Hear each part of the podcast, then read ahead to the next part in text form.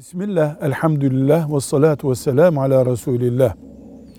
Bir genç hangi işte çalışırsa o iş daha Müslümanca ve daha iyi olur diyebiliriz. Hangi iş daha helalse, onun kabiliyetine hangisi daha uygunsa ve hangisinden daha çok kazanç elde edip daha çok zekat verecekse ve hangi iş onun ibadetlerini aksattırmıyor, ebeveyn başta olmak üzere insani ilişkilerinde aksama nedeni oluşturmuyorsa o iş en güzel iştir, en Müslümancadır, en bereketlidir. Velhamdülillahi Rabbil Alemin.